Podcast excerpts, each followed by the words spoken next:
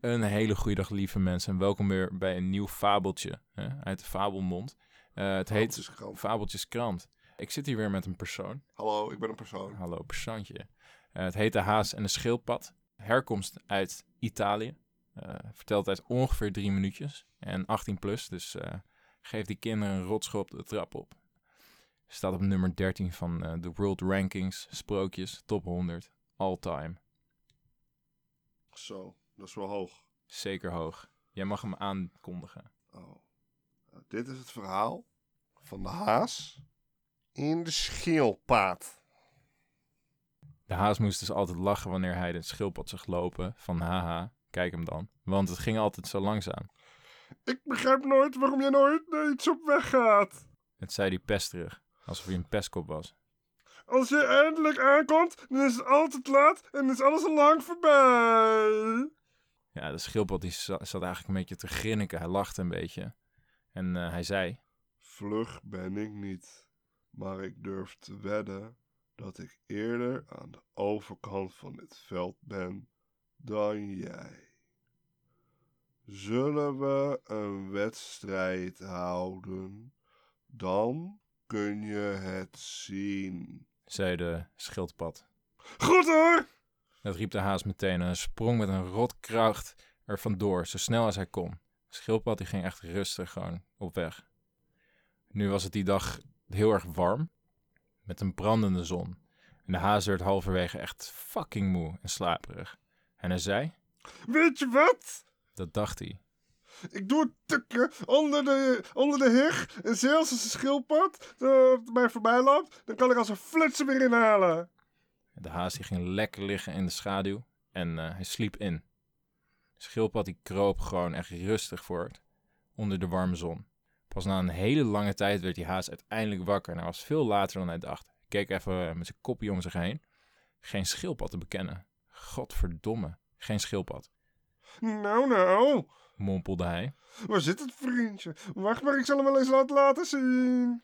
Als een pijl uit een boog schoot hij weg. Door het korte gras, door het koren, over sloten langs braamstruiken. En bij de laatste bocht bleef hij even staan om te zien waar de eindstreep lag. Daar! Nog geen halve meter ervoor kroop de schildpad langzaam maar zeker, stap voor stap, dichter naar het eindpunt. Met een geweldige sprong stoof de haas erop af. Hij was te laat. Toen hij de lijn passeerde, was de schildpad hem eh, voor geweest. Zie je nou wel. zei het beest met de schild.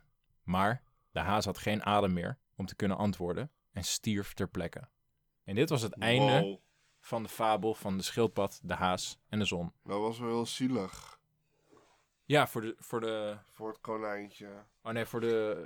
Dat die stierf. Maar er is geen konijntje in, in het Het hele konijntje verhaal. is gedood. Ja, maar er is letterlijk geen konijn te Door bekennen. de er jager. is geen, er is De geen jager konijn. schoot op Er is hem. geen konijn En in het hij verhaal. stierf. Geen. Nou, toelichting. De haas en de schildpad is een van de fabels van Asopelus.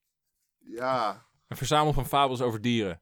Asopelus eh, was de Griekse verteller die ongeveer 25.000 jaar geleden leefde. Dat is een oude, niet 2500 hoor. Veel van zijn fabels zijn op allerlei manieren terug te vinden in de mondelinge wereld, wereldliteratuur. Een verwant verhaal vinden we bij de gebroeders Grimm. De gebroeders uit Duitsland. maar jij, jij vertelt me nu dat Ja. Sopolis uit Griekenland kwam. Nee, het is Aseopus. Dat hij dat die Grieks was. Hij is een Griekse verteller. Maar je vertelde me net dat dit een sprookje uit Italië was. Ja, nou ja, Jij weet bent je? weer leugens aan het verspreiden. Nee, ik vertel geen leugens. Ik verspreid geen leugens. Dat zou ik nooit doen. Met Als de zo- kracht van het internet. Aseopus is een Griekse verteller. Maar Maar een verwant verhaal vinden we bij de gebroeders Grim. De haas Henk en en de Pieter. egel. Henk en Pieter. Henk en Pieter Grim. ja, In de fabel over de haas en het schildpad houden de twee dieren een wedloop, een weddenschaploopje. De haas denkt makkelijk te kunnen winnen en spant zich echt niet in. Hij gooit er met een metaforische pet naar. zo. Onderweg denkt hij gerust een dutje te kunnen doen. Maar als hij wakker wordt, dan heeft de schildpad de finish al bereikt. Zo verliest de haas toch de wedstrijd. Wat kan je hieruit opmerken? Dat je altijd gewoon hard moet werken. En niet op je luie reet moet gaan zitten, godverdomme! Waar ben je er toch Ah, ik- boos Ja, over? ik, ik weet ook niet. Ik maak me zo boos.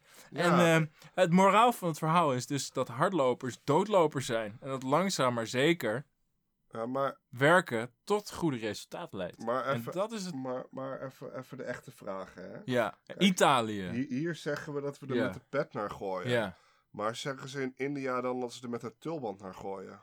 met de, ja. Dat vind ik belangrijk. ja, nee, dat zeggen ze niet. Want dat mag niet. Je mag je tulband niet afdoen in Oh. India. Dus dan. eh, Wat, wat gooien ze dan? dat is echt een hele goede vraag.